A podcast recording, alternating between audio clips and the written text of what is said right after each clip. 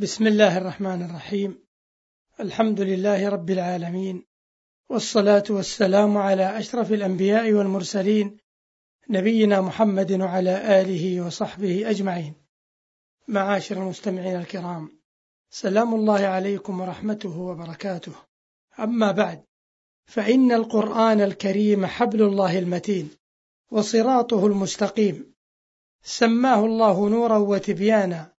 وموعظة ورحمة وشفاء لما في الصدور. لا تنقضي عجائبه ولا يخلق عن كثرة الرد. لا يعوج فيقوم ولا يزيغ فيستعتب. فيه القصص العجيبة ودلائل التوحيد والنبوة.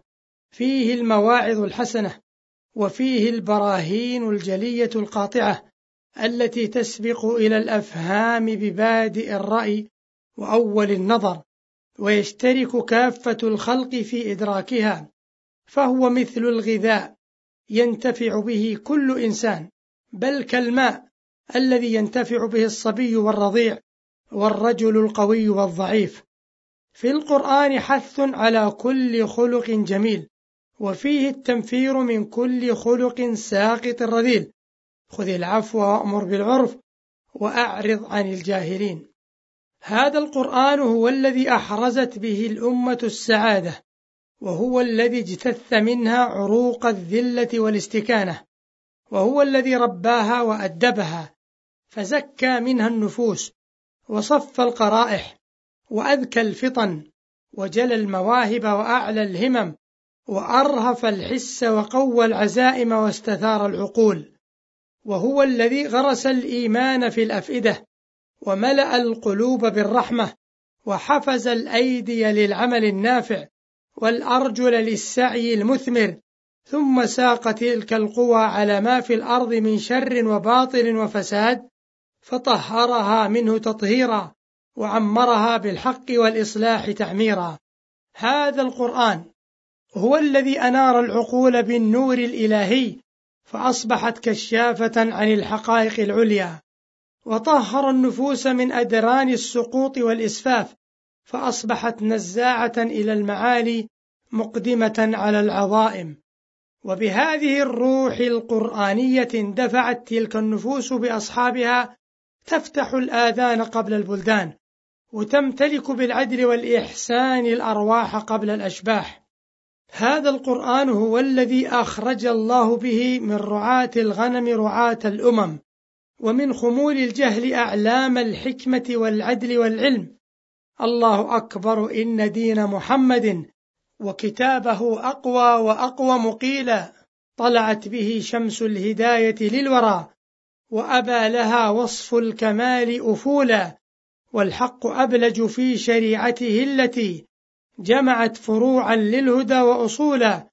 لا تذكر الكتب السوالف عنده طلع الصباح فأطفئوا القنديلا هذا هو القرآن الذي قال الله سبحانه وتعالى فيه شهر رمضان الذي أنزل فيه القرآن هدى للناس وبينات من الهدى والفرقان. فقوله عز وجل أنزل فيه القرآن يحتمل عدة معان تدور حول شهر رمضان وميزة إنزال القرآن فيه. فقد يكون المراد إنزال القرآن من اللوح المحفوظ إلى سماء الدنيا في رمضان كما جاء ذلك عن ابن عباس رضي الله عنهما.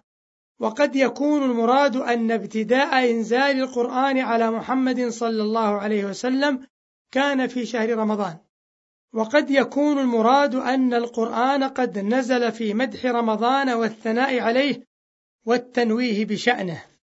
فما أحرانا خصوصا في شهر رمضان أن نجدد العهد بالقرآن وأن نكثر من تلاوته وتدبره وعقله والتخلق بأخلاقه والامتثال لأوامره والانتهاء عن نواهيه وأن يكون ذلك دأبا لنا في بقية أعمارنا لنسعد في دنيانا وآخرتنا ولننال الثواب الجزيل من ربنا عز وجل ولقد تظاهرت الأدلة من الكتاب والسنة في فضل تلاوة القرآن الكريم.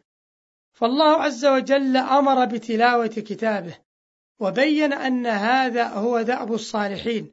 فقال عز وجل إن الذين يتلون كتاب الله وأقاموا الصلاة وأنفقوا مما رزقناهم سرا وعلانية يرجون تجارة لن تبور ليوفيهم أجورهم ويزيدهم من فضله. إنه غفور شكور. وعن ابن مسعود رضي الله عنه أن النبي صلى الله عليه وسلم قال من قرأ حرفا من كتاب الله فله بكل حرف حسنة والحسنة بعشر أمثالها. لا أقول ألف لام ميم حرف ولكن ألف حرف ولام حرف وميم حرف. رواه الترمذي وهو حديث صحيح. وعن أبي أمامة رضي الله عنه أن النبي صلى الله عليه وسلم قال اقرأوا القرآن فإنه يأتي يوم القيامة شفيعا لأصحابه. رواه مسلم. فقراءة القرآن خير وأجر وبركة في كل وقت وهي في رمضان أعظم وأكبر. ولقد كان جبريل عليه السلام يأتي النبي صلى الله عليه وسلم في رمضان فيدارسه القرآن كل ليلة. كما في الصحيحين عن ابن عباس رضي الله عنهما قال كان رسول الله صلى الله عليه وسلم أجود الناس وكان أجود ما يكون في رمضان حين يلقاه جبريل في كل ليلة من رمضان فيدارسه القرآن. فلرسول الله صلى الله عليه وسلم أجود بالخير من الريح المرسلة. وفي العام الذي توفي فيه رسول الله صلى الله عليه وسلم عارضه جبريل القرآن مرتين. رواه البخاري. فيا لسعادة من أحب القرآن وأقبل عليه تعلما وتعليما وتلاوة وبذلا وعملا لأجل نشره والدعوة إليه. فيا لسعادة ذلك ويا لعزته في الدنيا والآخرة ويا لحرمان من حرم ذلك الخير وصد عن ذلك النور. اللهم اجعلنا من أهل القرآن الذين هم أهلك وخاصتك واجعلنا مفاتيح للخير مغاليق للشر مباركين أينما كنا وصل اللهم وسلم على نبينا محمد والسلام عليكم ورحمة الله وبركاته.